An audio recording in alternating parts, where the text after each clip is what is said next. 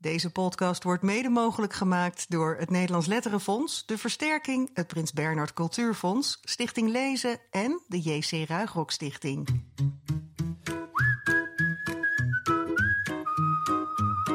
Bas, heb jij je lijstje al klaar?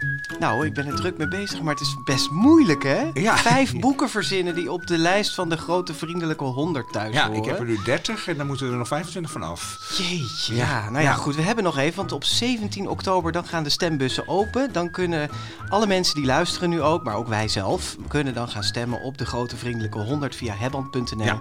slash Eigenlijk wel leuk? Het is een soort vervolg op de kinderboekenweek. Dan denk je, hé, bah, de kinderboekenweek is afgelopen, maar dan begint... Dan komen wij met een nieuw project. 100, ja. En onze gast van vandaag die heeft ook een top 5 bedacht die ze wel op die lijst zou willen zetten. Ja. Maar dat horen we pas helemaal aan het eind als we de parelrubriek gaan doen. Oh ja, je hebt er wel verklapt dat we een vrouwelijke gast hebben. Ja, maar dat staat ook in de titel van de aflevering. Dus Oké. ik denk niet dat heel veel mensen dat nog een verrassing vinden. Goed, welkom bij de 53ste aflevering van de Grote Vriendelijke Podcast. Eh, u hoorde net, jij hoorde net, Jaap Frieso en, eh, en Bas Maliepaard, dat ben ik zelf. Ja. Kinderboekenrecensenten voor respectievelijk jaapleest.nl en Dagblad Trouw. En het is vandaag de eerste dag van de Kinderboekenweek. En dus een prachtige dag om in een kinderboekwinkel te zitten. Ja. We moesten iets later beginnen, omdat ze hier een ontzettend drukke eerste dag hebben gehad. Dus we waren nog helemaal bezig met dingen inpakken, uitpakken, maken, stapels ja. maken, noem maar op. En gistermiddag zijn op de Gouden Kinderboekenborrel de Gouden Griffel en het Gouden Penseel uitgereikt. En ja, we hebben afgelopen vrijdag in de update een gok gedaan op goud. Nou, wij hebben een goede Zaten glazen goed? bol. We hebben een vrij goede glazen bol. Echt, hè? Ja, we zaten- oh, ik was ja. wel een beetje trots. Je gaat er wel glimmen. Ja, ja. Nee, wij hadden toch wel voorspeld dat het hele verhaal voor een halve soldaat de, de penseel zou winnen. Ja, dat Ludwig Volbeda. Volbeda. Ja. En dan had het daar ook een klein beetje de Gouden Griffel, maar toch ook wel een gozer van Pieter Koolwijk. eh, Ja, we hadden twee, eh, twee opties, ja, hè? Ja, ja, ja, beetje 50-50. En hij is naar eh, Pieter Koolwijk gegaan. Voor Gozert. ja. ja. Ja. iemand die nog nooit de Gouden Griffel heeft gewonnen. Hè? Dus dat Ook is... nog nooit een zilveren griffel. Nee, nou ja, dus nee. tot dit jaar Ja, dus. jij was er gisteren bij. Ja, het was een hartstikke leuke bijeenkomst. Ja. Het was echt eh, met een select gezelschap, omdat nog steeds een beetje vanwege corona niet alle kinderboekschrijvers van Nederland konden komen. Eh, maar een heel leuk programma. Stef Bos die trad op. eh, Ellen Dekwits hield een ode aan de griffelboeken die zij speciaal voor deze gelegenheid had gelezen allemaal. En eh, er waren mooie juryrapporten en hele blije winnaars. Nou, dus het, eh, ja, ja, ja, jij deed een interviewtje met Pieter Koolwijk even voor onze social media. En Ja. die straalde echt van kruin tot teen en ja, terug. die gozert die was wel blij. ja. Ja. echt leuk. Ja, en volgens mij zijn de boekhandels ook wel blij. Want ik was vanmiddag toch even in een boekhandel. Die zei, oh is echt, weet je, ik heb er heel veel in gekocht. En Het was ook al een heel populair boek. hè? al een heel Dus. Dat zei ik ook. Heb je dat dan niet heel veel verkocht? Dat was ook wel zo. Ja. Maar, eh, Maar ja. nu een extra, extra boost. Extra boost. En voor wie die, eh, het verhaal achter dat boek nog wil, eh, wil luisteren, die kan nog even terugspoelen naar aflevering 24. Daarin hadden we Pieter Kolwijk te gast. Ja, want we hebben over beide boeken een aflevering gemaakt. Benny Lindelauw Ja. ook. En dat is uit mijn hoofd 43. Ach, dat maar dat moeten mensen op. maar opzoeken. Ja, maar ik grapte al van zit je in de GVP, dan neem je wel een prijsje, prijsje mee. Dus dat belooft voor onze gast van vanavond ook veel. Ja, eh, goed. ja, zullen we naar die gast... Doe dat maar, ja. Ja, onze, onze gast van deze aflevering. Er zijn een hele soort boeken in het Nederlands en in het Fries kroon. En eh, vorige week verschoende haar naaste boek, Skaat van Toet. ja, dat? Skaat van Toet. Lieda Ja. Dijkstra, van harte Ja, welkom. Fijn om hier te zijn. Ja. Dankjewel. Heb je het een beetje verstaan, Bas? Nou, ik heb een hele Friese schoonfamilie, dus ik Oh, zit ja. op verjaardagen altijd zo ertussenin. Ja. Nee, ik Ja. heb het helemaal verstaan. Maar doe nou, het even voor onze luisteraars. skaat van Toet, dat is eh, schaduw van Toet. En eh, daarvoor zit je hier, eh, Lida. Ja. Eh, je hebt veel in het... In, eh, nou ja, dit, dit boek heb je, eh, Schaduw van Toet, het ligt nu op tafel. En wij lieten je het net zien, want je had het nog niet... Nee, ik had het gezien. zelf nog niet in handen gehad, dat klopt. Ja, ja, En wat was je eerste gevoel? Wat ging er door je heen? Nou, De beste vraag ooit om een Ja. podcast mee te beginnen. Ja. ik ben heel blij met hoe het eruit ziet en eh, wat het voor boek geworden is. Jazeker. Ja, ja, het is echt een, een, een prachtige cover met goud, goud er ook op. Ja. Up. Up, Op. ja. Ja. Ja, nee. Ja. ja, prachtig. koud, ja. koud folie heeft dat. Heb ik nog nooit gehad. Een boek met een echt eh, gouden laagje erop. Dus eh, ja, heel chic. Wat heel gaaf. mooi. Hey, nog even voor de Nederlanders die luisteren. Wij zeggen Lida Dijkstra hè, in, in, in het Nederlands, want jij zei net Lida Ja, Dijkstra. en, ja, maar en dat is deze dan de gimmick was omdat ik natuurlijk in Heerenveen geboren ben. Ja, en jij ik ook. Jij ook. Dus ja, Heerenveen zeggen wij dan. Ja. En je woont nu in de Kniepen, vlakbij hier. Nou, dat is voor mij allemaal gewoon een thuiswedstrijd, Ja. eh, zeg maar. Ja, maar goed, je bent wel helemaal naar Haarlem Het is wel gekomen. zo dat op mijn eh Friestalige boeken staat Lida Dijkstra met een Y. En Ja. op mijn Nederlandstalige boeken uh, Dijkstra IJ. met een lange Oh, ei. ja. Oh, dat moet ik ook eens doen. Jaap Frieso met een Y. Ja. Maar, Hey, maar jij schrijft ook wel in het Fries, maar heb je schaduw van Toet? Heb je Dat is in- Nederlandstalig, ja, hoor. Ja. Ja, hoe, hoe werkt dat? Wanneer schrijf je iets in het Fries en wanneer iets in het Nederlands? Uh, dat uh, gaat vaak ook in overleg met uh, de uitgevers. En bij Luiting Seidhof had ik daarvoor al het beest met de kracht van tien paarden. Dus ik zit een beetje in dat stramien van historische boeken voor wat oudere jeugd. Dus, uh, ja, en je Friese boeken geef je bij een Friestalige Ja, ja, precies. Ja, ja. En, en dit, dit zou, als je het in het Fries vertaalt, eigenlijk voor kinderen al niet meer geschikt zijn. Dan zou het al, al te moeilijk zijn. Want het Fries lezen is toch wel een extra barrière, ook voor Friese kinderen. Ja. Dus uh, dan, dan val je met zo'n boek al, al gauw uh, uit de doelgroep eigenlijk. Ja, ja, ja. ja. Maar is het, is het voor jou, uh, maakt het verschil of je in het Nederlands of in het Fries schrijft? Gaat het je allebei even makkelijk af? Tegenwoordig wel. Ja, er is een tijd geweest, dan schreef ik wel Fries, maar dan had ik het er eigenlijk wel moeilijk mee, omdat ik de spelling niet helemaal onder de knie had. Maar dat is al een tijdje geleden, dus tegenwoordig uh, gooi ik de knop om oh, en ja. dan uh, ja, ga ik. ik. heb het zelf ook nooit geleerd op school. Ik heb thuis gewoon Fries leren spreken. Nee, dat is vaak zo. Ja. Dat klopt. Dat Ja. is, veel mensen die spreken het wel, maar die vinden lezen al moeilijker. En schrijven is nog een veel kleinere groep die dat kan.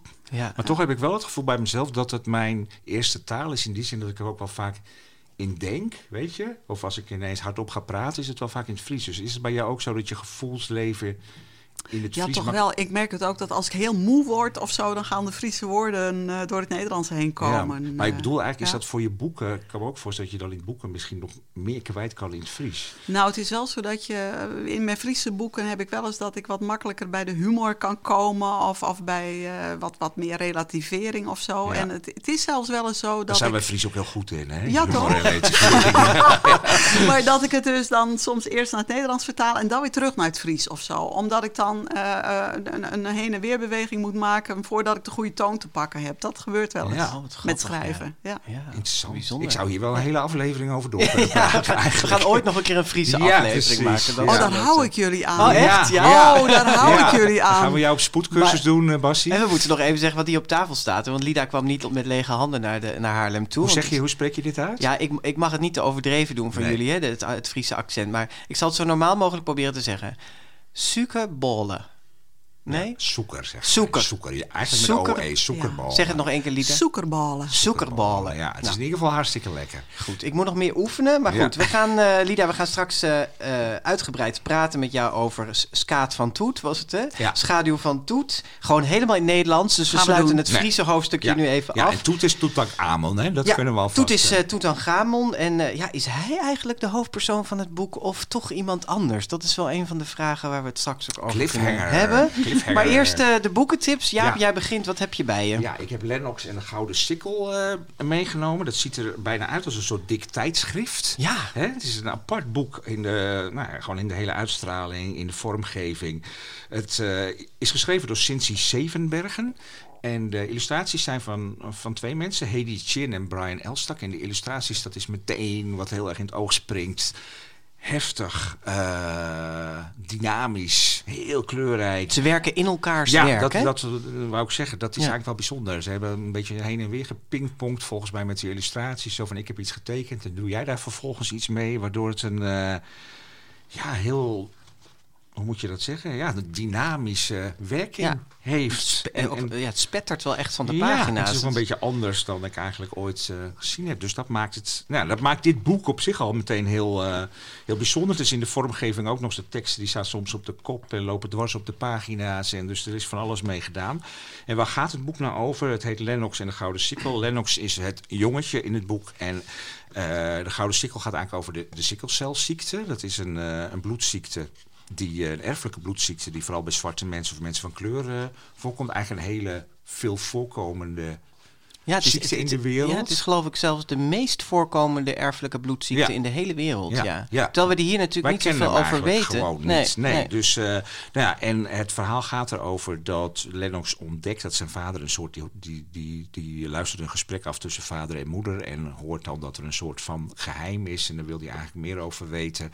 Blijkt dat zijn vader naar het ziekenhuis moet en hij gaat dan samen met een vriendinnetje achter zijn vader aan. En dat wordt een soort van, eh, nou ja, roadtrip door de stad eigenlijk. Ja, Hè? Ze ja. gaan eh, op avontuur door de stad achter, achter vader aan. Dat wordt ook een soort magisch verhaal. En uiteindelijk komt hij in het ziekenhuis terecht en ook in de spreekkamer samen met zijn vader. En dan vertelt zijn vader over de Wat hij eigenlijk heeft, wat hij hè? eigenlijk Want dat, eh, heeft. ja, dus dat is. ja. Maar ja, maar. Eh, de eerste zin van het boek is heel mooi. Hè? Binnenkort wil Lennox graag dapper worden. Dat is echt een, zin waar je meteen denkt van... hé, hey, wat gaat hier eh, gebeuren? Nou ja, het verhaal is... eh, het gaat over een ziekte, maar het verhaal is niet loodzwaar. Het is Helemaal niet. helemaal nee. niet zelfs. Nee. weet je, het gaat eigenlijk gewoon over... hé, hey, papa heeft een geheim en ik wil dat wel weten. En ze gaan daarover praten. En ja, nou ja, dat is er gewoon. En. Ja, zo is het. Ja, en het, het, het wordt het, de onzichtbare ziekte genoemd, hè, want je ziet het ook niet aan iemand. Hij gaat ook naar het onzichtbare ziekenhuis. Ja. Dus eh, ze speelt heel erg ook met wat, wat je kunt zien eh, hè, en wat er onzichtbaar leeft. Ja, Eh, het ziekenhuis wordt soms ook wat groter en kleiner. En, eh, ja, hoe meer hij leert eigenlijk over de ziekte van zijn vader, hoe, hoe groter het ziekenhuis wordt. Dus dat dijt ook echt uit. Dus het is een soort magisch realisme wat erin Ja. zit. En daarvan denk je misschien als je het hoort van, oh weird of zo, dat, dat gaat niet werken. Maar ja, ik vond toen ik het las, ik werd daar helemaal in meegenomen. En Ja. het, het, het wordt ja, ja, daardoor juist heel, ja, heel fris of heel, ja... Ja, en daar sluiten de illustraties Ja. dan ook weer fantastisch bij Ja. aan. Want die, die zijn zo sterk en zo krachtig en, en ondersteunen dat verhaal. Heel kleurrijk. erg, het zijn echt eh, knetterende Ja, kleuren. Ja, een beetje stiftachtig is het denk ik ook. Hè? Ja, ja, met eh, inderdaad stift, ja. En, en, eh, en Brian Elstak, die kennen we natuurlijk van zijn eh, Tori en Trobi boeken. Hè? Die heeft daarvoor ook een zilveren penseel gewonnen. En die kan echt fantastisch van die gezichten tekenen met pen. Dat kan hij echt in een paar lijntjes, een beetje krasserig. En dan zie je meteen Ja. een gezicht. Ja, enorm veel expressie. Ja, nee, dat is eigenlijk wel een mooie afsluiting. Enorm veel expressie. Dat, is het hele boek. Ja, gewoon, ja, prachtig. Leeuws ja. in de Gouden Sikkel is uitgegeven bij de Harmonie. En het is voor 8 plus ongeveer, denk ik. Of zou je Ja, ik denk het wel. 8 Ja, zoiets. Ja. Ja. Nou jij een boek waar je al mij eh, een, een maand over aan het hoofd zeurt eigenlijk. Omdat je Hoezo, het zo aan je- aan je hoofd? Nee hoor, maar jij zei dit boek. Ja, Ja. nee, ja ik, ik, ik zag dit eerlijk gezegd, die cover al in de aanbiedingsfolder van uitgeverij Querido. Het heet Ik praat als een rivier. Een prentenboek is het van Jordan Scott en Sydney Smith. Het zijn twee eh, Canadezen. En ik zag die, eh, die voorkant al. Je ziet eigenlijk een jongetje dat een, ja, zo'n kolkende rivier inloopt. Het is heel schilderachtig. Dus echt met eh, de verfstreken zie je zitten. En ik vond dat zo prachtig. Het licht wat achter op hem eh, op zijn hoofd valt. En toen dacht ik, dat boek dat wil ik wel eens even heel goed gaan bekijken. En toen kwam het binnen en toen bleek het van binnen ook echt... Nou, ik vond het beeldschoon. Ik, en jullie hebben er net even Ja, doorheen het mogen is bladeren. Echt mooi. Nou, ik had het al gezien hoor, maar ja. Nee, jij, Oh, jij wel, ja. ja. Sorry, Lida die heeft het net eh, Ja. voor het eerst bekeken. Ja, maar het, het, het is echt prachtig gedaan. Ehm eh, Sydney Smith, de illustrator, die kennen sommige mensen misschien wel van Blommetjes. Ja, daar was, ook ik een heel ook, mooi hey, daar was ik ook helemaal verguld van. Ja. Ja, maar hier eh, eh, trekt hij eh, weer een heel ander laadje open. Het is ja, heel gevarieerd ook. Dus het, het is soms heel bijna aquarelachtig, waterverfachtig. Soms heel ruw geschilderd. Ehm, dan weer een beetje meer vetter aangezet, wat dichter. eh, Ja, meer hij gebruikt ook gekke materialen, toch? Ja, ja want ehm, nou, misschien moet ik eerst vertellen waar het verhaal over gaat. Oh. Want dan ga je dat ook begrijpen, namelijk die keuze. Het gaat over een jongetje dat stottert. Dat wordt aan het begin nog helemaal niet gezegd. Dat, dat woord valt pas helemaal op het eind. Maar hij heeft moeite met praten. En er wordt op een poëtische manier wordt dat eigenlijk uiteengezet. Hoe die, die moeite daarmee heeft, zeg maar. Ehm, de K is een kraai die achter in mijn keel blijft steken. Allemaal dat soort zinnetjes staan daarin. Ehm, en eh, op een gegeven moment, ja, heeft daar, je merkt dat hij daar moeite mee heeft. Dat er in, een in de klas naar hem wordt omgekeken. Zijn ogen lopen vol tranen, zie je aan een waterig uitlopende tekening. Ehm, en zijn vader die neemt hem dan mee op een dag eh, dat het weer zo eh, beroerd was op school naar een rivier. En dan zegt hij: Kijk eens naar hoe de rivier stroomt. Ehm, en hij, hij ziet eigenlijk in die ri- rivier een metafoor voor hoe het jongetje praat. Het borrelt, het wervelt, het woelt en het raast.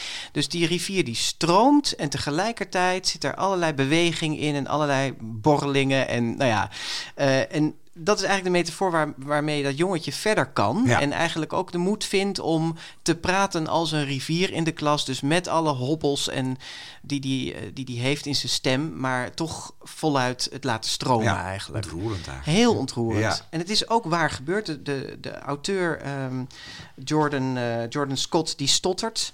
Eh, hij heeft het behoorlijk door therapie onder de knie inmiddels om vloeiend te praten zoals wij vloeiend praten. Maar hij heeft ook van zijn vader geleerd bij de rivier om vloeiend als een rivier te praten. Dus Ja. met al het... En dat vind ik ook wel mooi. Dat staat, ik weet niet hoe dat er precies in staat, maar wel iets van, dit mag ook zo zijn. Ik bedoel, vloeiend is een soort van norm die we met Ja. elkaar bedacht hebben om vloeiend Ja. te praten. Maar waarom zou je ook niet wat anders mogen praten? Ja. En ook het geduld van andere mensen op de proef mogen stellen. Of Ja. dat. En er staat een hele mooie eh, eh, uitklapprint in het midden die ook heel erg veel zegt over wat jij net zei. Hè? Want dan zie je dat jongetje heel close op zijn gezicht. Als je hem dan openklapt, Dan zie je met het, het water ingaan, eigenlijk, waar het, het glinstert van het zonlicht. Maar dan nog heel even kort over die techniek, want daar, daar vroeg je net naar, Jaap. En eh, die, eh, die Sidney Smith, die illustrator, die heeft dus bedacht van... ik kan gewoon met verf aan de slag, maar ik wil eigenlijk die grilligheid van die spraak ook vangen in die illustraties. En hij is eh, zijn werk gaan bewerken met alcohol, met zout, eh, met allerlei andere materialen om ja, onverwachte effecten te krijgen. Ik moest een beetje denken aan Milo Freeman, die dat in onze eindejaarspodcast ook vertelde over haar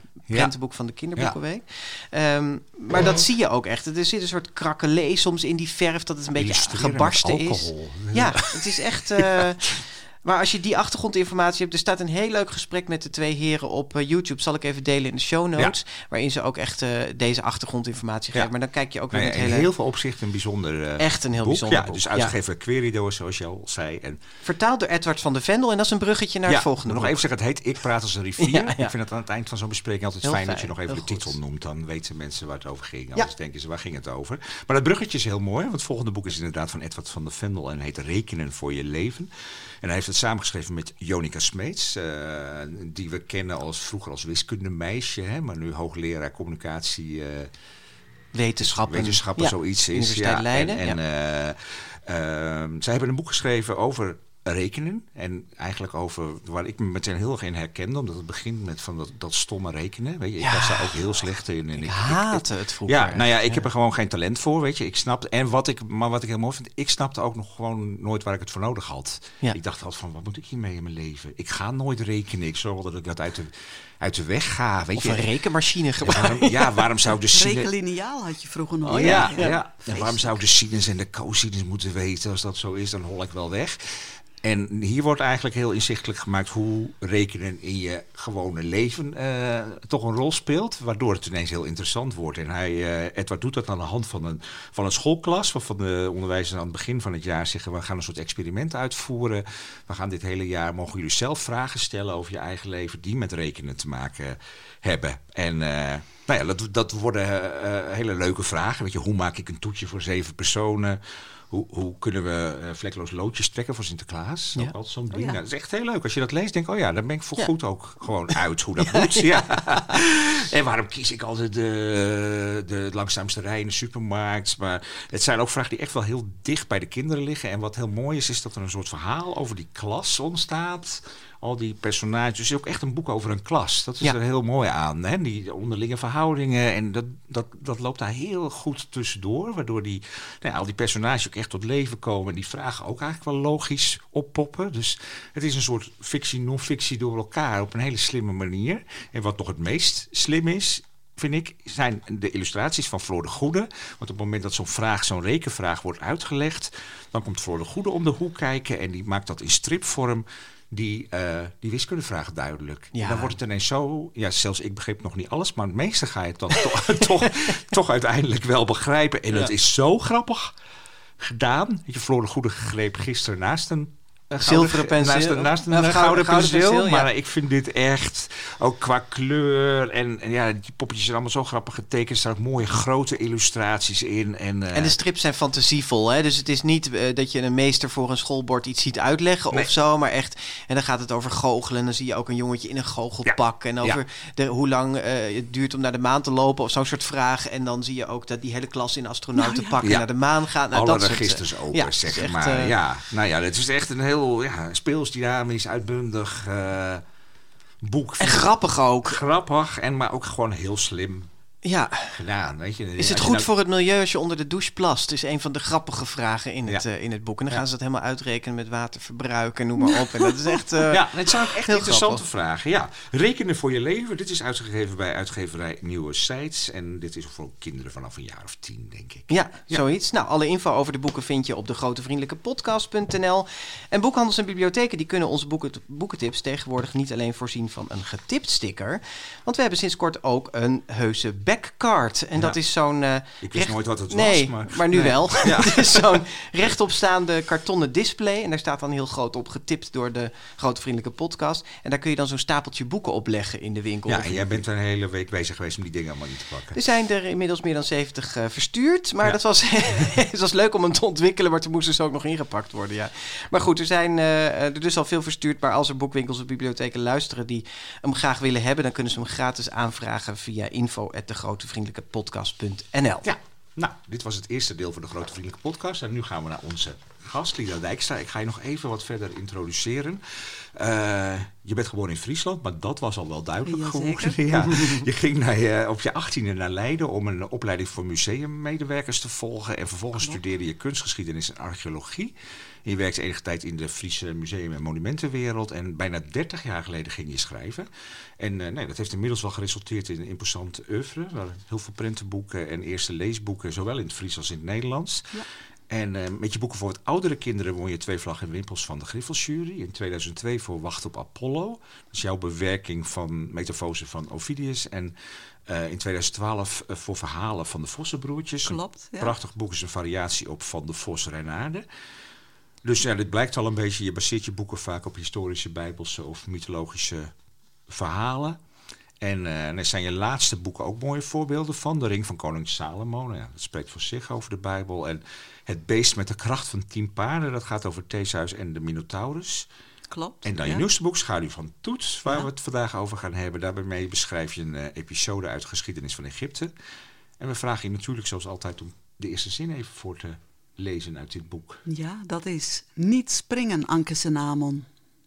Ja, dit zegt haar moeder, Ja. de moeder van Anke Senamon. En dat is koningin Nefertiti, Zeker. die ik dan vooral weer ken van een pizzeria die zo heet. Maar goed, maar goed. Lekker Nou, de meeste Ja. mensen kennen haar wel van, die, van het hele Ja, nee, bekende beeld tuurlijk, daar- natuurlijk. hè? Met die prachtige blauwe, ja, wij zouden nu een soort hoed zeggen, maar het is een soort kroon. Ja. Het is een heel groot, ja. wijd uitlopende eh, Museum in hoed. Berlijn, ja, echt eh, archetypisch dat, eh, dat beeld. Ja, ja, maar goed, nee, daar kende ik er ook heus wel van. Gelukkig hoor. Niet alleen van de pizzeria, maar goed. En eh, ja, Nefertiti, haar moeder dus eh, van Anke Senamon, die vindt dat eh, prinsessen moeten wandelen, moeten schrijden, zich prinsesselijk moeten gedragen, niet moeten rondspringen als een kikker staat erin. Klopt. Het is daarmee meteen een zin die al veel zegt over het boek hè? en over haar positie in, in, in de, haar omgeving eigenlijk. Zou je dat meteen kunnen toelichten? Van wat, wat, wat is het voor meisje? Nou, Anke Senamon is eigenlijk de hoofdpersoon in het boek. Het heet Schaduw van Toet, maar zij is die schaduw eigenlijk. Hè. Dat blijkt eh, gaandeweg wel uit het boek. Eh, Anke Senamon is een, eh, de derde dochter is het van Agnaton van de farao en van Nefertiti. En ik denk dat het een meisje is wat heel goed observeert in mijn boek. En heel intelligent is. En al heel gauw doorkrijgt hoe het ruilt en zeilt in, in zo'n hofhouding in het oude Egypte. En wat je moet doen om te overleven. En eh, hoe je je eh, eh, plek moet veiligstellen. Eigenzinnig, eigen gereid ook zeker, wel. Ja. zeker. En, en vooral ook wel intellectueel begaafd. Ja. Hè?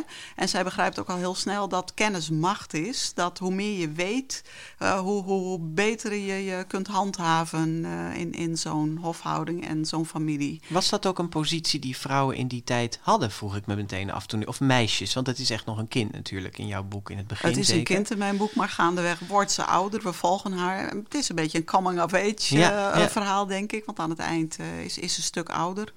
En dan heeft ze eh, nou, toch een innerlijke groei meegemaakt. Hè? Eh, ja, de positie van vrouwen in het oude Egypte. eh, ehm, als je het over het oude Egypte hebt, dan heb je altijd meteen dat er zo ontzettend veel witte plekken in de geschiedschrijving zijn. Hè? Eh, we, we, we, We eh, weten veel niet. we weten ontzettend veel niet. En, en zo gaandeweg, eh doordat ook de wetenschappelijke onderzoeken steeds genuanceerder worden. We kunnen nu bijvoorbeeld met DNA-onderzoek. Ja, ik zeg bij alsof ik dat zelf doe. Zit je weer met je reageerbuisje en, je, en je microscoop. Dat dan Ja. niet. Maar wetenschappers die kunnen met DNA-onderzoek nu weer een heleboel nieuwe dingen ontdekken. Bijvoorbeeld bijvoorbeeld de familierelaties uh, van die mummies. Hè, die ze vroeger alleen maar uh, door een röntgen konden schuiven. En daarvoor uh, gingen ze ze gewoon uitpakken om te kijken wat erin zat. Ongelooflijk. Maar ja, dat, dat is. Even voor de duidelijkheid, het is ook echt idioot lang geleden. Hè? Over, ja, ja. ja, we spreken eigenlijk 3000 jaar geleden ongeveer. Tutankhamon is 1333 voor Christus geboren, denken we ongeveer. Ik zeg steeds wij, wat is dat toch? Ik heb zoveel research ja, gedaan. Je bent gewoon archeoloog geworden. ik denk, ik denk uh, dat ik het zelf allemaal bedacht heb. Nee, maar um, Heel ja, lang geleden. Het is heel lang ja, geleden. Heel lang ja, geleden. Ja. Ja. Maar ik vind dan toch wel ook opval dat we toch ook opvallend veel wel weten. Hè? Als je dan ook achterin het boek heb jij uh, ook allerlei dingen op een rij gezet. Uh, nou ja, en je zult ook bepaalde dingen wel op historische feiten hebben gebaseerd. Ja, heel veel. Ja, precies. Wat, wat ik kon baseren op historische feiten, dat heb ik gedaan natuurlijk. Ja. Um, en wat er bekend is, dat is toch vooral uit die reliefs in graven. Uh, er zijn fantastische toevalstreffers gedaan, historisch gezien. Want uh, bijvoorbeeld uh, Agnaton, zijn tempels, toen hij in ongenade is gevallen, hebben ze die afgebroken en hebben ze die muren gebruikt als fundamenten voor nieuwe bouwwerken. Ah. Dus Tutankhamons bouwwerken, die zijn de fundamenten daarvan zijn tempels en muren van zijn vader, de van zijn vader. Ja. Dus daardoor zijn in de woestijn die stenen ongelooflijk goed geconserveerd en gepreserveerd gebleven. Dus dat zijn van die toevalstreffers. Later is dat opgegraven en dat kwam helemaal gaaf uh, tevoorschijn. En dat hebben ze allemaal weer in, in elkaar zitten puzzelen.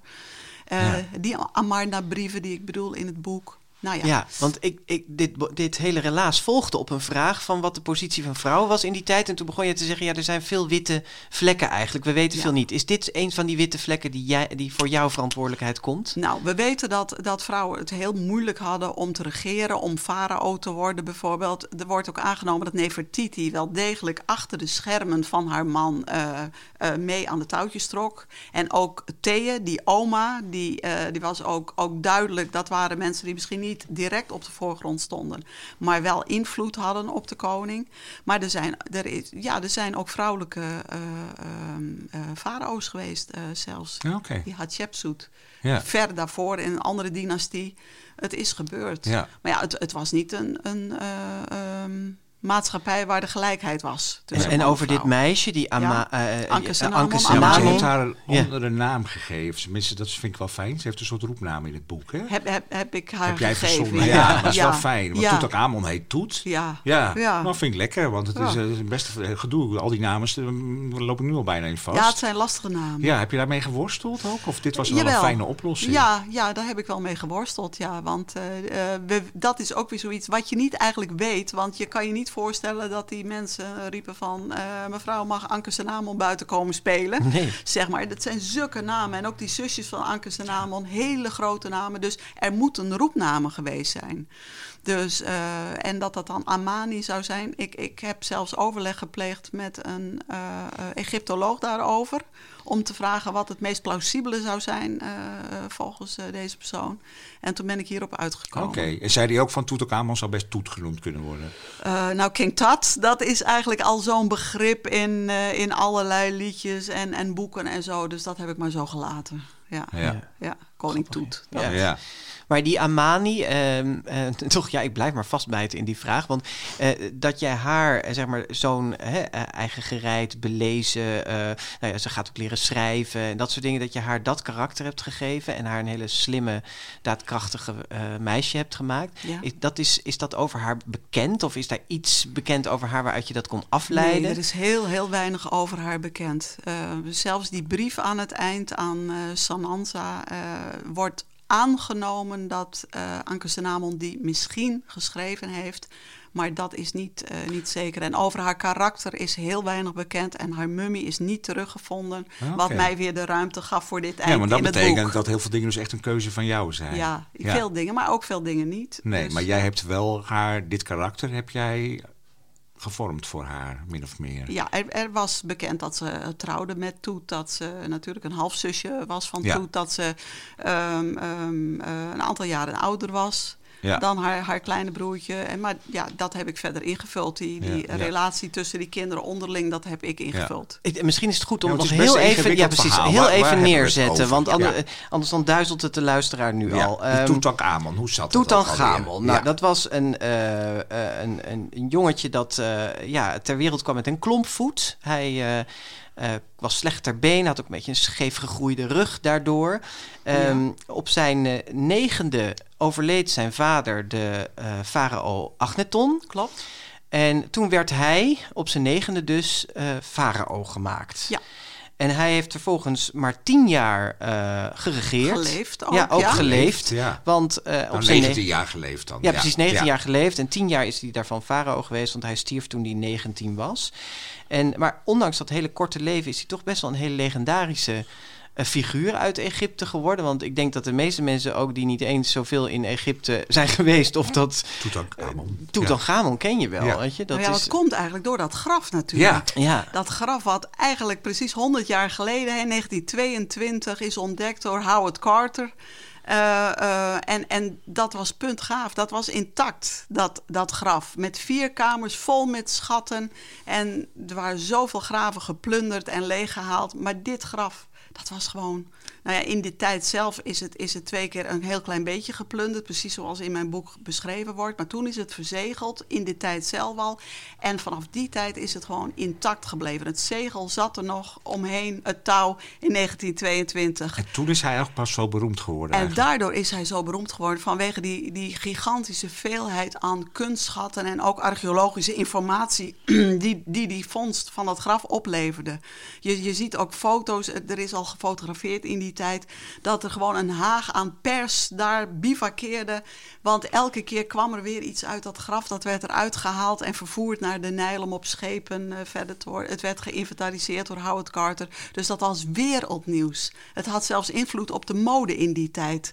Er komt een hele eh, trend van Egyptische mode, Egyptische handschoentjes, frisdrankmerken die, eh, die met uh, Tutankhamon erop eh, worden verkocht en zo. Dus dat was ongelooflijk wereldnieuws. fascinerend ook, hè? Ja. Zoals die, zo'n zo'n zo'n graftombe waarin dan zoveel schatten Natuurlijk, staan. natuurlijk. Die is ook de- gewoon nog ongeschonden De is. droom van iedere archeoloog. Ja. maar Ja. omdat dat toen gevonden is, daarom is Tutankhamon Ja. eigenlijk zo'n beroemde farao. Ja. Waarom dacht Lida Dijkstra uit te kniepen van... hé, hey, daar moet ik maar eens Me opstorten. op storten? Nou, ik ben kunsthistoricus van beroep natuurlijk, dus ik, eh, ik kende dat verhaal al langer. En dit was eigenlijk een onderwerp waar ik misschien al 15 jaar mee rondliep. Ook, ook dat verhaal over eh, die vader, eh Agnaton, de Ketterse koning werd hij genoemd, die zoveel rigoureuze beslissingen nam. Dan heb je in die tijd, in die 18e dynastie, nog Nefertiti, hè, die ook ongelooflijk tot de verbeelding spreekt natuurlijk, zelfs in Asterix-albums tevoorschijn komt en zo. Dus eh, ja, het Ja. is zo'n boeiend, boeiend onderwerp. ja, maar goed, daar zijn er best veel van, boeiende Ja, onderwerpen. ja, ja. maar ik, ik, nu, nu ik het geschreven heb, vind ik het eigenlijk nog boeiender. Want ik wist niet half hoe, hoe interessant het was eh, eh, tot ik erin dook. Ja. Maar eh, om even het verhaal af te maken, hè, want eh eh Tutankhamon, nou, dat heb ik dus net beschreven. Je vult het prachtig aan met waarom hij zo beroemd is geworden. hij is op zijn negentiende dus dood gegaan, maar hij is op zeker moment in zijn leven getrouwd met zijn halfzusje.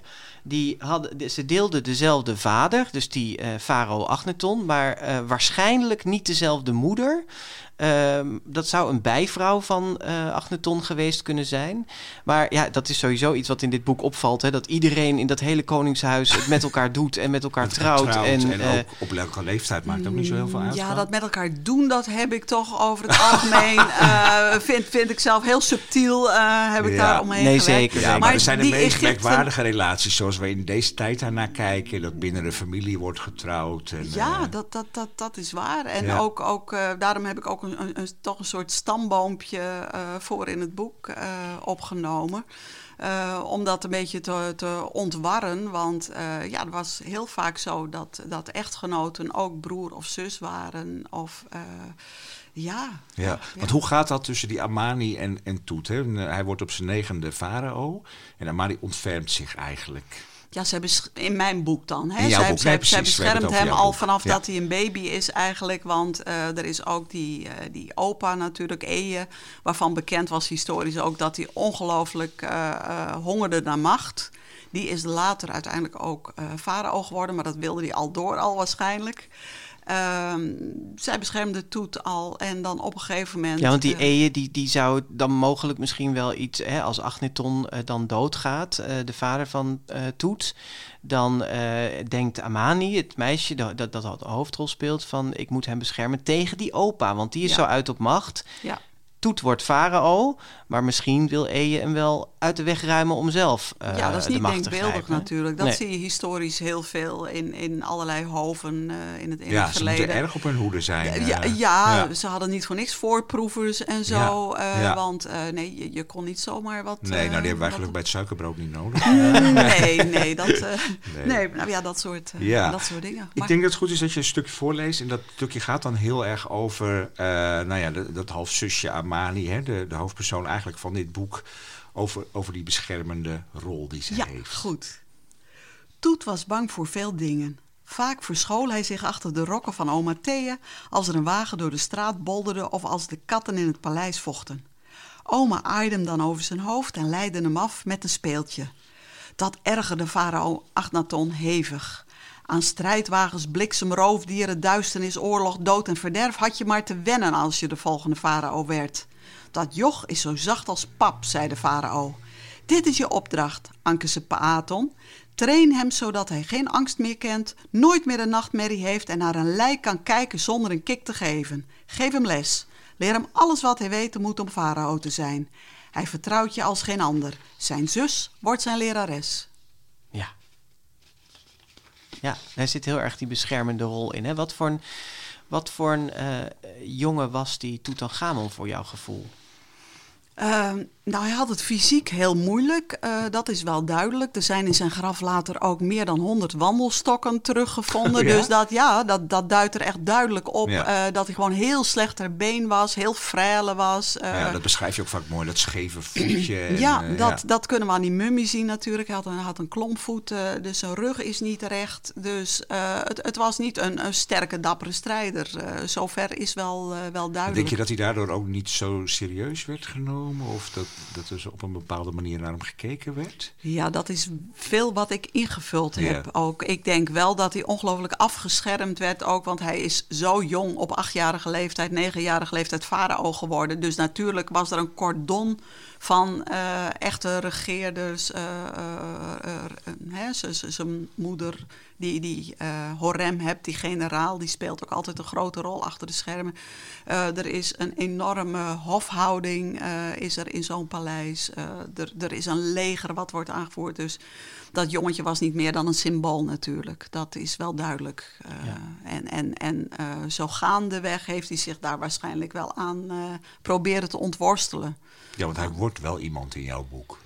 Ja, ja, hij wordt iemand ook, ook onder invloed van Anke Senamon, van Amani, hè, die, die hem op weg helpt en die hem wat los probeert te weken en, en hem ook zelf leert nadenken. En hij wordt gaandeweg wel wat dapperder, hè, ook. Ze geeft hem zelfs les in, in eh, enge, enge dingen eh, durven, zeg maar.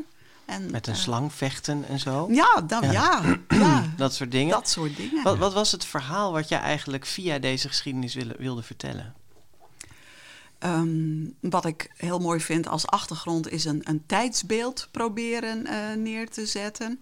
Ehm, wat ik zelf ook heel curieus vind altijd, is dat je toch ehm, parallellen ziet naar onze moderne tijd. Hè? De pandemie bijvoorbeeld. Ik zat dit te schrijven, eh, dit verhaal, eh, toen iedereen in lockdown ging en zo.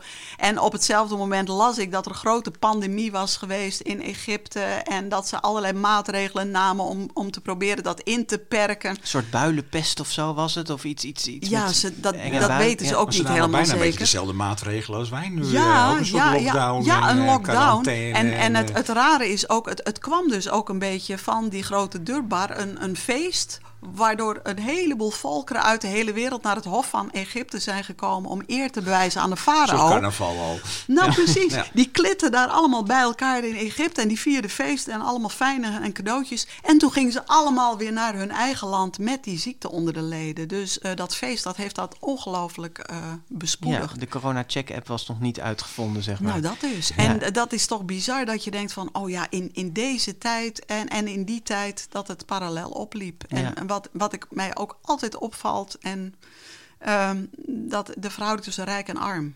bijvoorbeeld, dat is nu zo eh, en, en dat was toen ook zo. De machthebbers aan de ene kant. en Macht de- aan de ene kant, toch de, de onderdrukten aan de andere kant. En je, je ziet dat in heel veel landen op de wereld natuurlijk nog steeds gebeuren. Hè? Dat er grote groepen het slecht hebben en dat er een hele kleine groep daar eh meedogenloos boven staat en de rijkdommen naar zich toe hardt. Maar even terug naar die vraag van Bas en wat je eigenlijk wilde vertellen met dit boek. Want het is voor een deel gewoon, je wilde interessante geschiedenis ontsluiten. Ja.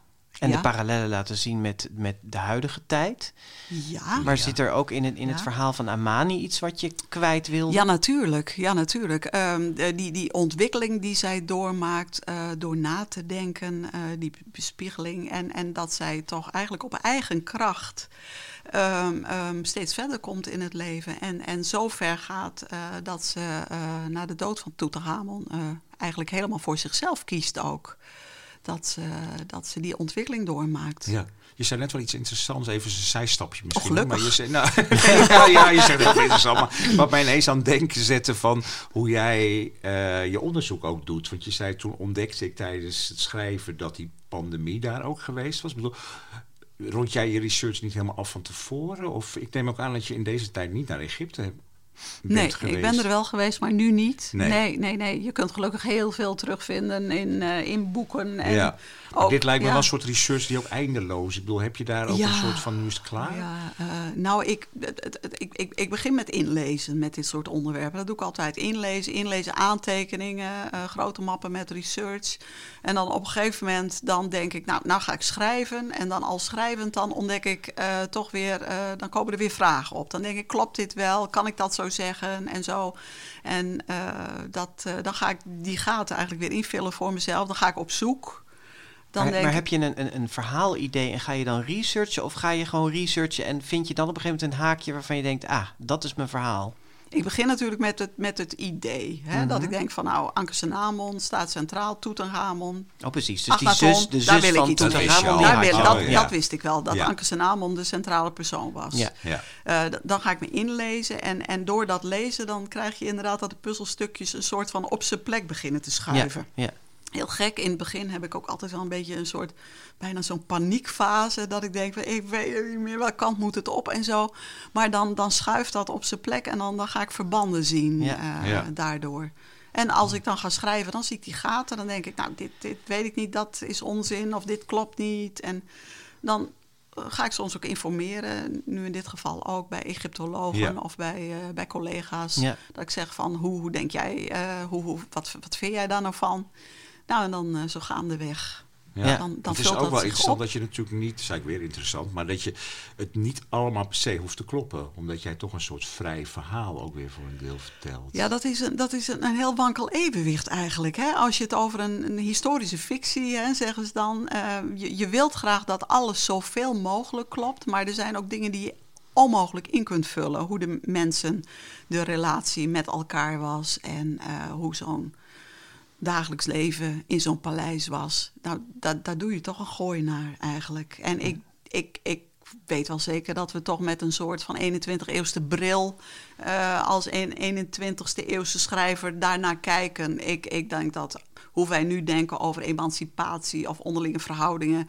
eh, dat, dat zal ongetwijfeld heel anders zijn geweest dan 3000 jaar geleden. Ja, want het is wat dat betreft, hè, de emancipatie die hierin zit, hè, het is echt wel een vrouwenboek wat dat betreft. Hè, die, eh, Vind je dat? Vind ik wel. Nou, Ja. nou niet vrouwenboek voor, niet voor vrouwen om te lezen, maar dat het echt wel gaat over die sterke vrouwen in, in dat Egypte van die tijd. Amani is een heel sterk meisje dat haar eigen plan trekt. Nefertiti, Titi ook. Hè, de, eh, haar moeder, die is toch ook eh, achter haar man eh, heel invloedrijk. Eh, Klopt. hè, en, Ja. eh, En die oma ook. en die oma Ja, ook, wel Thea. zo. Ja, dus, Het, dus het zijn wel die vrouwen die je heel erg eh, in het licht zet. Misschien wel meer zelfs dan Toet eigenlijk. Ja, want die mannen zijn ook wel een beetje sukkels. Ze zijn een beetje afhankelijk ook van Nou. Samanza aan het eind, eh, die maakt veel goed, toch? Ja, ja, dat, dat, maar dat gaan we maar niet verklappen, wat, eh, wat, wat zijn rol is. Maar goed, eh, eh, ja, ook omdat er staat ergens... een zoon is tien dochters waard. Hè? Dat is een beetje de tijdsgeest zoals je hem vat. Ja, dat Eh, zegt als- Agnaton, Ja, hè? precies. Ja, precies. Dat Eh, moeten we natuurlijk niet verwarren met hoe ik daar Nee, eh, precies, over maar denk. dat, Ja. dat, je, je schat in dat dat de, eh, de, de geest van de tijd is geweest. Hè? Dus ja. dat de, de mannen meer waard mannelijke waren dan de vrouwen. opvolging, dat Ja. was wel heel waardevol. Maar ja, dat is, dat is tegenwoordig nog zo in sommige koningshuizen natuurlijk. En zo, dat mannelijke opvolging, dat toch eigenlijk wel... eh, Ja. Ja, maar het gaat misschien ook wel een beetje over die vraag die ook volgens mij letterlijk ergens opwerkt. Of ze echt kon kiezen wie ze wilde zijn. Of dat ze een soort rol moest spelen. Ja, eh, kan, kan je als, als, als prinses of als eh, eh, koninklijk eh, persoon eh, kiezen wie je bent? Dat is zelfs tegenwoordig denk ik nog ik eh, niet, ja. het geval. Claudia Breij heeft nu een boek over Amalia geschreven. Dat gaan we dan misschien een beetje ontdekken. Ja. Ja. In hoeverre, Ja, ja. Maar ik denk dat je heel veel verplichtingen hebt en verwachtingen eh, van de wereld om je heen. Ja. Dus eh, dat je wel degelijk eh, eh, behoorlijk in de pas moet lopen. Ja. En die 21ste eeuwse bril waar, die je beschrijft, die steek je op zich ook niet onder, stoet, eh, onder stoelen of banken. Onder toeten of banken. Ja. maar die eh, steek je niet onder stoelen of banken, want er staan ook echt best wel hele grappige verwijzingen in naar nu. Hè. Onder andere bij die pandemie, dan is het mummielinnen, op, het een run op het mummielinnen Ja. opeens. Ja. Ja. Naar analogie van de, wc, Hamsteren. de wc-papierhamster Ja. eh, dingen die we hier hadden. Ja. En, en er staan ook dingen in, ook in taalgebruik. En dat Amani zegt kak als ze iets eh, verkeerd doet of eh, als Ja. er iets misgaat. Maar ik denk dat je dat 3000 jaar geleden wel zei hoor. Als Ja? je, je op je duim sloeg. Kak. Ja. Nou, en, en dan een topkans. Er staat ergens van, hij vond het een topkans. Dan denk ik echt, oh, dit is het grapje van Lida Dijkstra, het 21ste eeuwse woord. ja, dat eh, doe ik wel. Ja, ja, Ja, ja, ze geven je ja. niet iets op een briefje, maar ze geven je iets op een kleitablet. Ja, precies. Dat geef ik je op een kleitablet. Ja. Dat Heel niemand over eh, 200 jaar nog van Toetangamon heeft gehoord, zegt hij dan. Ja, dat zijn gewoon grapjes. Zullen we eens ja. even naar die goden gaan? Ja, want er zit ook een heel interessant lijntje in. Dan moeten we eigenlijk even gaan we een stapje hoger naar de vader van eh Tutankhamon. Laten we Toet en Amani even eh, voor wat ze zijn. Maar de vader van, eh van Tutankhamon is Agneton. En die is eigenlijk verantwoordelijk geweest voor het afschaffen van de goden die er in, toe, eh, in die tijd waren. Hij heeft het monotheïsme eigenlijk geïntroduceerd in Ja, Egypte. ik chargeer dat wel wat eh, natuurlijk. Maar ja, het, het- hij werd ook de Ketterse koning Ja. genoemd. Hij heeft on- ongelooflijk veel hele rigoureuze veranderingen doorgevoerd in korte tijd. En nou beken ik dat ik dat nog wel een beetje op een bultje schuif in het boek, omdat het te behappen moet zijn. Maar in, inderdaad, hij gaat van eh, polytheïsme over op, eh, op Ja, monotheïsme. dat is een hele mooie passage. Dus als je die even voor wil, eh, Ja. weer lezen, waarin hij eigenlijk die besluiten mededeelt. Ja, de hele hofhouding is bij elkaar geroepen. En dan zegt hij, dan schaffen we ook de goden af. Ze worden toch steeds slapper en zwakker en stellen geen snars meer voor, riep farao Amenhotep IV. Dat wordt besluit drie. Wat, zeiden de raadgevers een octaafje hoger en ze werden bleker dan het witste linnen. Waarom niet? riep de farao. Hij sprong op en zwaaide met zijn armen. We schaffen ze geleidelijk af, behalve eentje, onze zonnegod Aton. Ik zal hem zijn in mensenvorm en stralen in de duisternis. Om Aton te eren zal ik extra tempels laten bouwen en strakjes een zonnelied voor hem schrijven, waarin zijn macht aanbeden wordt en dus ook de mijne. Want ik ben hem en hij is mij. Wat zal hij me dankbaar zijn? Ja, Amen. de zon. Terug van heel veel goden naar één god. En, en heel veel later, onder Tutankhamon, is het weer terug naar heel veel goden. Ja, Dus het, het, het, Het is is weer een- helemaal teruggedraaid, want ehm, er is trouwens nog iets daartussenin, dat noemen ze eh henotheïsme, theïsme, eh, monotheïsme aan de ene kant, eh polytheïsme aan de andere kant. En of hij echt in staat was om de goden allemaal af te schaffen, dat is natuurlijk de vraag. Want je had die priesters die heel machtig worden van al die andere goden, de Amon-priesters, eh, de, de, de Anubis-priesters. Dus die lieten zich natuurlijk niet zomaar afschaffen, want Nee. die eh, lieten zich niet meteen omscholen, die, die verzetten zich daartegen. Dus eh, dat is best een rel geworden ook in die tijd. Je kreeg onge- ongelooflijk eh, ongeregeldheden, omdat het, het volk eigenlijk de de weg een beetje kwijtraakten. Ja, de farao pakte ons geloof af. Ja, ja, Ja. natuurlijk. Die mensen geloofden daarin en eh, die, die hadden hun leven daaromheen geformeerd. En dan opeens moet het allemaal anders. Nou, dat gaat natuurlijk niet zo 1, 2, 3. Nee, Heb jij een fascinatie voor die godenwereld? Want dat, is- dat is in andere boeken speelt dat ook wel een. De Griekse Nou, niet per se, maar Bijbelse. op het moment dat je over Grieken eh, schrijft of, of over de Edda, eh, de Noordse go godenwereld. Of, ja, dan- Salomo. Ja, je krijgt ze er een soort van gratis bij, hè? ja, ja, omdat dat in, in, in dat verleden zo ingebed zit. En bij de Romeinen eh, en bij de Grieken, ja, het, het maakt deel uit van het gedachtegoed van die culturen. Dus eh, dan automatisch eh, wordt dat een laag die wordt toegevoegd, eh, denk ik. Maar Ja. vind, je, vind je het wel fascinerend, dat hele goden gebeuren? Ik vind het ongelooflijk Ja? fascinerend eh, dat je in Egypte ook eh, die dynastieke geschiedenis, die loopt natuurlijk wel 3000 jaar. We hebben het nu over de 18e dynastie. Maar er zijn echt duizenden goden geweest in eh, Egypte. Ik, ik heb er maar een heel klein groepje eh, beschreven in mijn boek. Maar het was zelfs zover eh, in die tijd dat iedere stad andere goden had. Dat, eh, dat, eh, dat de ene stad eh, een, een soort stadsgod had, dat was die en die, die werd aanbeden. En een andere stad had weer een andere god. En dat was zelfs lokaal verschillend. Dus, Heeft, heeft dat iets gedaan met jouw beeld van religie? Van wat het, wat het eigenlijk is, religie? Of wat, wat het betekent voor mensen? Nou, je, je krijgt er wel een soort relativerende kijk op, denk ik. Als jij ook eh, vanuit de middeleeuwen bijvoorbeeld kaarten ziet hoe religies zich over de wereld hebben bewogen. Het christendom vanuit Israël en het boeddhisme en het hindoeïsme.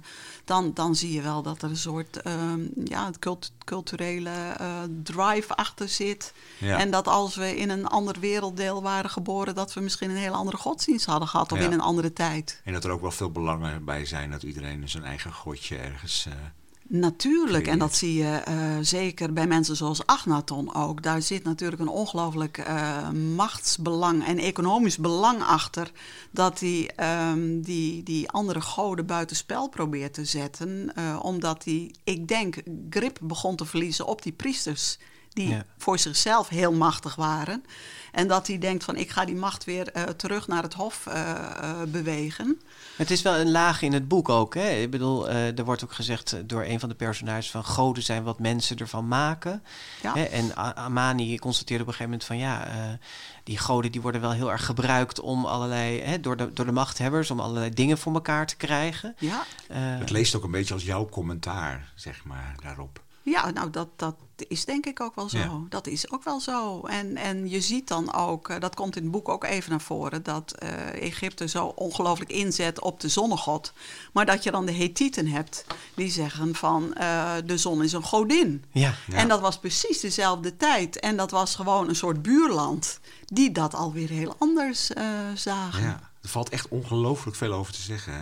Het Ja, is toch? Echt heel, ja, nee, zeker. Ja, lees, lees dit boek. Daarom- nou ja, dat wou ik even zeggen, ook voor de luisteraar die nu denkt van... mijn hemel, wat, eh, waar gaat gaat dit het allemaal over? Ja. Dat het in dit boek echt goed te volgen is. Weet Ja. je, het is gewoon Ja. heel compact Het is beschreven. toch gewoon een jeugdboek. en je Daarom, begint nee, daarom dat ze nu niet Ja. denken dat we een of andere Nee, maar het is wel moeilijk om er een gesprek over te voeren. Omdat in het boek introduceer je die namen heel goed, weet je. En dan op een gegeven moment ga je eraan wennen voor hoe ze allemaal heten. En je hebt, je kunt ook achterin bladeren om te kijken, weet je wel. Dat doe ik En- eigenlijk altijd. Hè? Ja. Dat achterin een goede Ja. woordenlijst en een namenlijst Ja. staat. En dat is in een podcast natuurlijk wat lastiger, maar... eh, ja. Nou ja, en waarom het ook goed te lezen is omdat je voor een, een bijzondere vorm eh, kiest. Dat, dat komt uit je voorlezen denk ik ook wel een beetje naar voren. Maar als je het boek openklapt zie je dat meteen. Het zijn allemaal korte zinnetjes.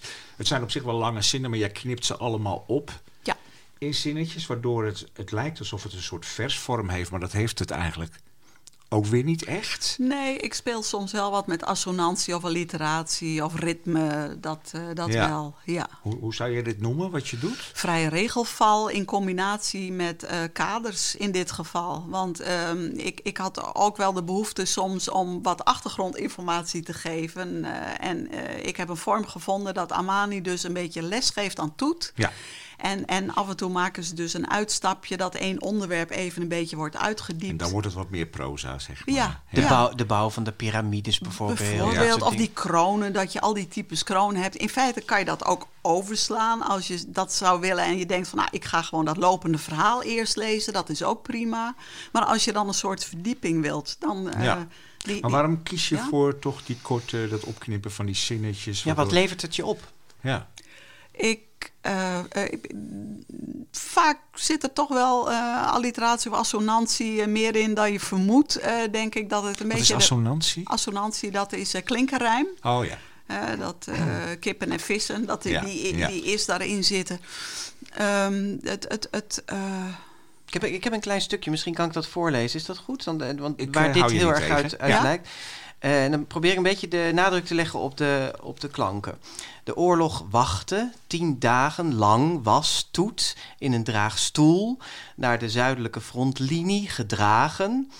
Eh, waar de Egyptische bevelhebbers en sterrenwiggelaars in tenten hun strategie uitstippelden tegen die verdraaide, taaie. Kijk. Nou ja, het klinkt heel raar nu natuurlijk, maar ik hoop dat je zo een beetje hoort dat die Ja. klanken allemaal Verdraaide, overeenkomen. taaie, Precies. ja, Ja. nou Ja, dat. En, ja. En, en, en dat vind ik gemakkelijker als ik deze vorm kies. En dan, eh, Ja, ik Ja. vind het zelf ook gemakkelijker lezen. Voor toch best een doorwrocht verhaal, zeg Ja. maar. Hè? Geeft het ook wel een Ja, soort... toch? Het geeft wel een beetje lucht. Ja, Ja, Want je hebt dat eerder gedaan met verhalen van de Vossenbroertjes. Ook. Maar je kiest er niet altijd voor. Je vorige boek had het niet.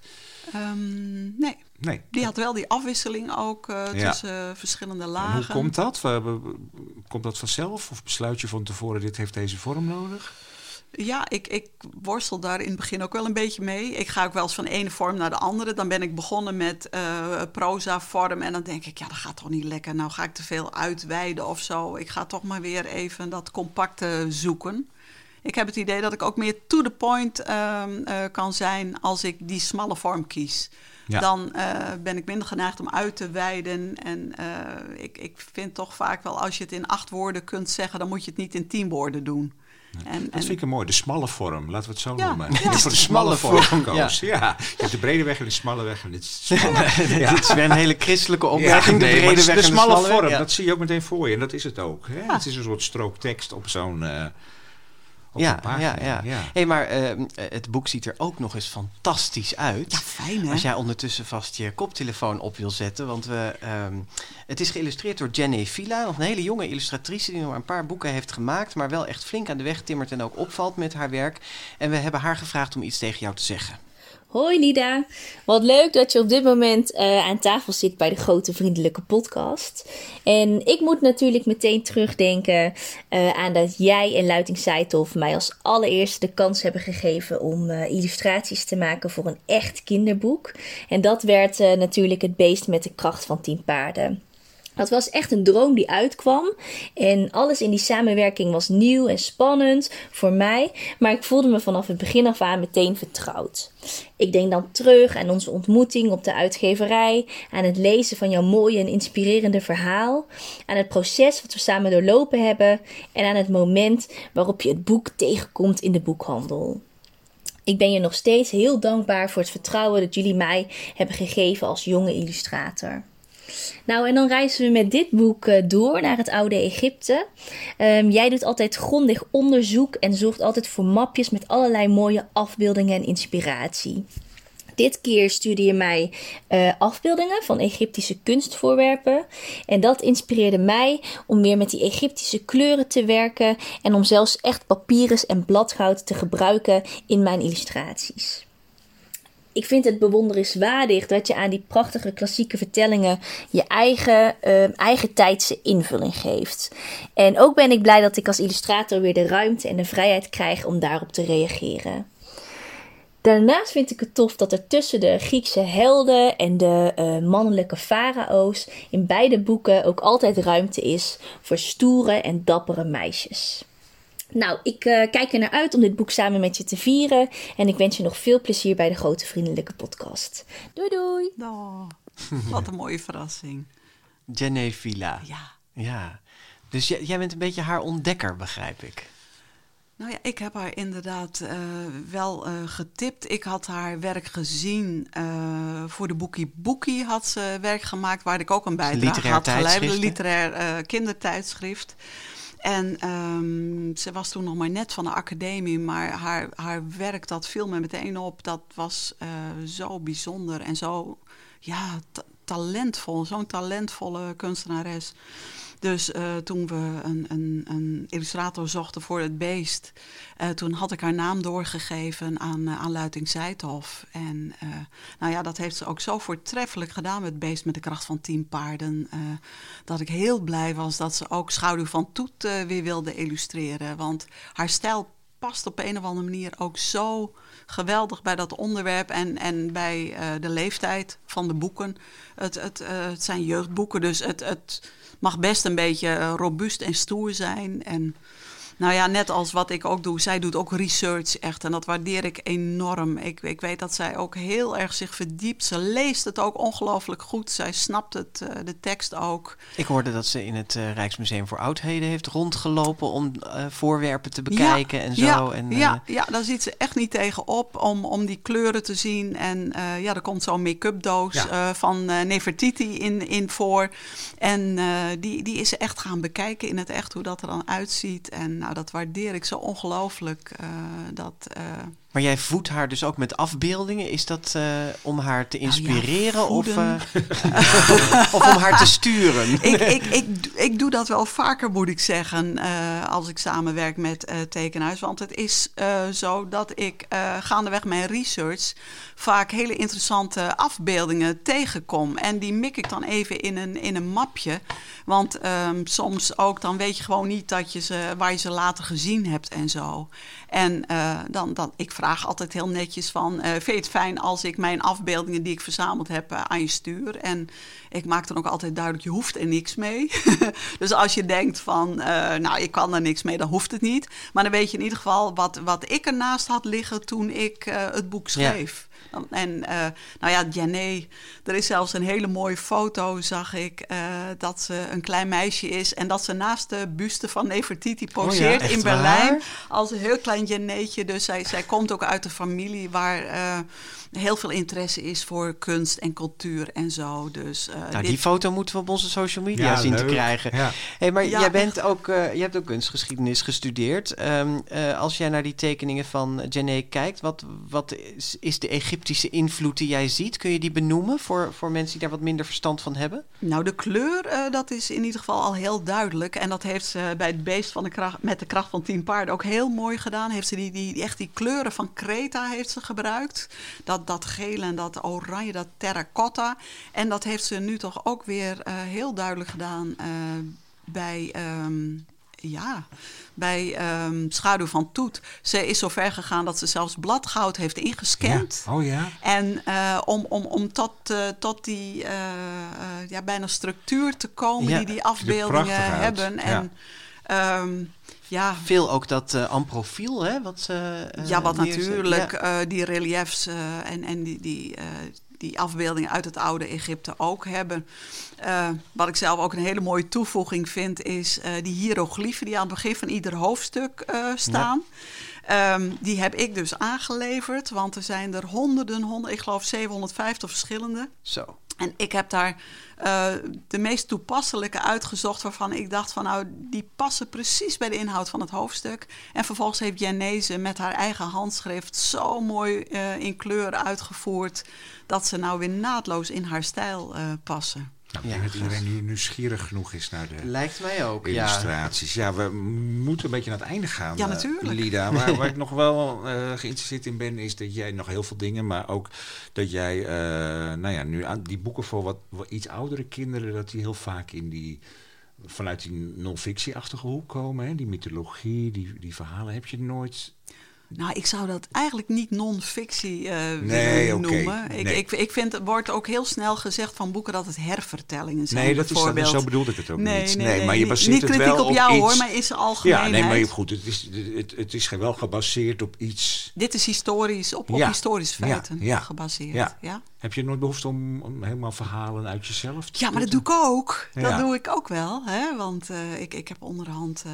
best een aardig oeuvre. En uh, ja, ik, ik maak ook uh, boeken over kleine avonturiers en eenhoorns en kindjes die dolle dingen beleven. En ja, doe, doe ik ook wel. Maar het zijn wel deze boeken die het meest in het oog springen. Hè? Als je uh, kijkt naar wat, waar het meest aandacht voor is als het jouw oeuvre betreft. Uh, uh, misschien nog niet verkooptechnisch. Maar, maar wel, wel, wel, als het gaat om recensies of om de, de, ja. genomineerd voor prijzen. Ja, dat vlag en wimpel gekregen. Ja. Maar op, dan zijn het die boeken die daar. Dus blijkbaar is dat, dat wel een soort. Ja. Uh, maar als je, als je ziet bijvoorbeeld aan de boeken die het meest uitlenen, dat zijn weer heel andere soort boeken die ik schrijf. Dat zijn meer de prentenboeken en de Ja, dat zijn meer de prentenboeken en, en de boeken voor beginnende lezertjes ja, en zo, die ik toch ook heel graag schrijf. Dat is weer een hele andere tak van sport, maar dat doe ik toch ook heel graag. Ja.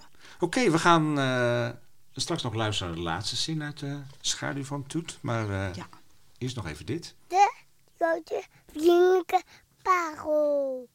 Ja, we zijn benieuwd uh, naar je parel, maar natuurlijk hebben we je ook gevraagd, we zeiden het aan het begin al, om een lijstje te maken van vijf boeken die jij zou willen voordragen voor de Grote Vriendelijke Honderd. En één daarvan is dan je parel, neem ik aan. Ja, zal ik eindigen uh, met de parel? Ja, we doe dat even snel door die vijf heen. Ja, dan gaan we niet heel lang bij stilstaan, maar gewoon even de titels noemen en dan... Goed. Ja, Nummer 1. Uh, nummer 1, dat is uh, De Roos en het Zwijn van Anne Provoost. Prachtig. Ik heb hem hier voor me liggen. Ja, ik, ik vind dat is zo'n lievelingsboek. Het is zo, ja, wat kan je ervan zeggen? Moet, moet ik ook iets over de inhoud zeggen? Of, in één uh, zin? In één zin, het, is, het uitgangspunt is het sprookje van de schone en het beest, Belle en het beest. Een 16e-eeuws sprookje. Maar zij is, werkt dat zo sfeervol en dromerig en ook uh, sprookjesachtig uit. Met zulke mooie taal dat je het elke keer wil, wil herlezen. En dat doe ik ook af en toe. Ergens baal ik hiervan, want nu komt meteen Vallen van Anne Provoost in mijn hoofd. En dat was ook een van mijn lievelingsboeken in mijn tienertijd. En nou ligt mijn lijstje weer, meteen alweer overhoop. Ja, heerlijk Goed. toch? Zo gaat dat. De volgende. Okay, de volgende, dat is... Uh, Iets heel anders heb ik meegenomen. Wiele Wiele Stap van Miep ja. Diekman. Met uh, tekeningen van Tae King. En, versjes. Uh, uh, ja, hele kleine versjes voor peutertjes. Maar toch wel heel literair en mooi. En het heeft voor mij speciale herinneringen. Omdat mijn dochter, die al binnenkort 30 wordt... dat elke keer weer wilde horen van Wiele Wiele Stap. Ah, ja. En dit boekje wat ik hier bij me heb... dat hangt echt van, van plakband en, en koekruimels aan elkaar ook. Maar dat doe ik dus nooit weg. Want dat is dierbaar in ons gezin. Ze heeft een groot deel in het vliegtuig geschreven. Oh, is dat zo? Ja, dan moet je de aflevering met Tae Chong King terugluisteren. Daar uh, komt dat in voor. De volgende. Uh, dat is toch uh, een poging van mij om er weer even wat Fries tussen te wurmen. Zijn we helemaal niet op tegen. Nee, hè? Nee. Ik heb uh, Tutte de Linten meegenomen van Diet Huber. En dat is eigenlijk... Um, ja, de Friese klassieker. Dat zijn nonsensrijmpjes in de traditie van uh, Han uh, Hoekstra en uh, Annie M. G. Schmid eigenlijk. En, maar dan in de Friese taal. Ze heeft ook in het Nederlands geschreven. Maar ehm, ja, in, in het Fries is echt een, klasse apart. Tutte, wat wie is Tutte? Tutte maar de Linten is een hoofdpersoon. En ook meteen het belangrijkste liedje wat ervoor in staat. zij heeft trouwens niet Huber de positie van Annie M. G. Schmid zelfs overgenomen bij het Parool toen Annie daarmee stopte. Oh, echt waar? Ja, ja ze heeft ook bij het Parool gewerkt. En, en wat betekent Mai de Linten? Um, dat is uh, gewoon met linten in het haar eigenlijk. Ah, ja, ja. En een tutte is gewoon een beetje, beetje een gek vrouwtje. Uh, dit is een gek vrouwtje met, lint. met vlechten met en linten en, en, gaten in de sokken en zo. Nummer het volgende. Uh, nummer vier, dat is, moet ik even zoeken welke was. Oh ja, die uh, heb ik even thuis gelaten. Die was zwaar. Dat was het boek van Botpa van Anton Quintana. Ja, Dat is ook zo'n ja, beeldschoon boek. Uh, het speelt in Centraal-Azië, ergens in de middeleeuwen. Het gaat over een jongetje met een gebroken been. En zijn vader, die dan een sjamaan, uh, een, een bijzonder typische man, een klein mannetje, die. die uh, dat jongetje moet genezen, maar dat op een hele vreemde manier doet. Hè? Maar het is een heel filosofisch boek. Toch? Ja, alle, alle, ja, alles, alles ja. heeft het gewonnen. Ja. En, en ook heel terecht, vind ik. Want nou, het is ook wel leuk, die lijst. Zeg. Ja, Al die heel titels die voorbij komen. Zintuigelijk boek is dat. Ja, Botpa, fantastisch. Ja. over zintuigelijke boeken gesproken. Nou komt je parel en dat is me er ook één. Mijn parel, ja, dat is het geheim van de keel van de nachtegaal van Peter Verhelst met prenten van Karl Kneut. Ja, prachtig en, boek. Ja, nou ja, wat kan je erover zeggen? Dat is een boek dat lees ik af en toe om mijn eigen schrijven te herijken bijna. Dat ik denk van, dit, hier kan de lat liggen, weet je wel. Van verslap niet, dit en is de lat. dat dan in? Het is uh, het, het taalgebruik vooral wat sprookjesachtig, maar heel vol is ook, barok bijna, maar nooit te veel wordt. Hij, hij weet precies die lijn te belopen dat het, dat het zo rijk is, maar hij vliegt niet uit de bocht. Maar wel bedwelmende taal bijna. Ja? Het is heel... eh, Heel ja. zintuigelijk ook en, en magisch realistisch bijna af en toe. En wat ik verder zo prachtig aan dit boek vind, is dat het een gezamtkunstwerk is. En dat is iets wat ik zelf eigenlijk ook altijd met eh, de illustrator Ja. en ook de vormgever, die moet ook genoemd. Dat is toch de drie mensen die met z'n drieën aan een boek werken. En dat is hier ook zo wonderbaarlijk mooi gelukt. Want de vormgeving van het boek is ook zo bijzonder. Eh, het wit speelt een rol. Lettertypes wordt meegespeeld. En Karl Kneut, nou ja, die hoeft verder ook geen Nee, introductie. nou ja, het heeft ook niet voor niks een beetje alle prijzen. Alle prijzen. Eh, En het is een sprookje, hè? Even, want dat hebben we nog niet eens gezegd. Ja, Nee, het is, het eh, is het uitgangspunt is het sprookje van de nachtegaal van eh, Hans Christian Andersen. Ja, Maar hij doet daar verder zo zijn eigen ding mee dat we dat zo vergeten zijn. Nou, die zetten we op de plank. En de rest die ga jij inleveren op, eh, vanaf 17 oktober op hebban.nl ja, slash niet stem. vergeten te stemmen. Beloofd. Je Ga doen. Fantastisch. Gaan we de laatste zin nog eh, doen? De laatste zin. Ja, Uit de uit schaduw mijn schaduw boek. van- En ik hoop eigenlijk dat de luisteraars de eerste zin onthouden hebben. Ja, Want dat is geen toeval dat de eerste en de laatste zin dat ik hiervoor gekozen nee, heb. dat, die eerste zin ging iets over eh, springen. Eh, de laatste zin is: ze nam een sprong. Kijk. Ja, mensen moeten maar gewoon terugspoelen hoor, om de eerste zin nog een keer te horen. Maar het, is, het verhaal is rond, zullen Het we verhaal maar is eh, rond. zeggen. Ja. Liede Dijkstra, heel erg bedankt. Ik vond een heel eh, rijk, interessant gesprek. En eh, ik denk dat mensen maar twee keer moeten luisteren om het allemaal te begrijpen. Dat tot zich Ja, te hey, nemen. goede reis terug naar Ja. de allermooiste provincie eh, van ons Zeg, land. Hè? zeg. Ja, ja, ja, ja. Dankjewel. Wou jij ook nog iets zeggen, Bas? Onchen. Ontjembaas. Luisteraars, alle informatie over deze aflevering is natuurlijk te vinden op eh, degrotevriendelijkepodcast.nl en eh, op onze socials. En dan vind je ook alles over die grote vriendelijke 100 waar we het steeds maar over eh, hebben. En ook over de kaartverkoop voor de grote vriendelijke pakjesavond. Want op 24 november in Theater de Liefde gaan we in een prachtige live show en evenement gaan we die grote vriendelijke 100 eh, uitpakken. En daar kun je ook vanaf de laatste dag van de kinderboekenweek kaarten voor kopen. Vrienden van de show kunnen dat al iets eerder doen. Dus wil je eh, dat voordeel of wil je ons sowieso steunen, word dan vriend van de show. Dat kan via vriendvandeshow.nl slash de GV-podcast. Absoluut. Tot zover de 53ste aflevering van de Grote Vriendelijke Podcast. Die we opnamen op woensdag 6 oktober, de eerste dag van de Kinderboekenweek 2021. En we zaten zoals meestal in kinderboekwinkel Kiekeboek aan de Gierstraat in Haarlem. Kom daar vooral ook langs deze Kinderboekenweek. Dank aan onze technicus Mark Brouwer. We zijn er deze maand vaker dan ooit. Ja. Met nog een update, een aantal extra afleveringen rond de, de Grote Vriendelijke 100. We hebben druk, Bas. En aan het eind van de maand nog een gewone gast. Nou, zin het in. kan niet op. Tot dan. Tot dan.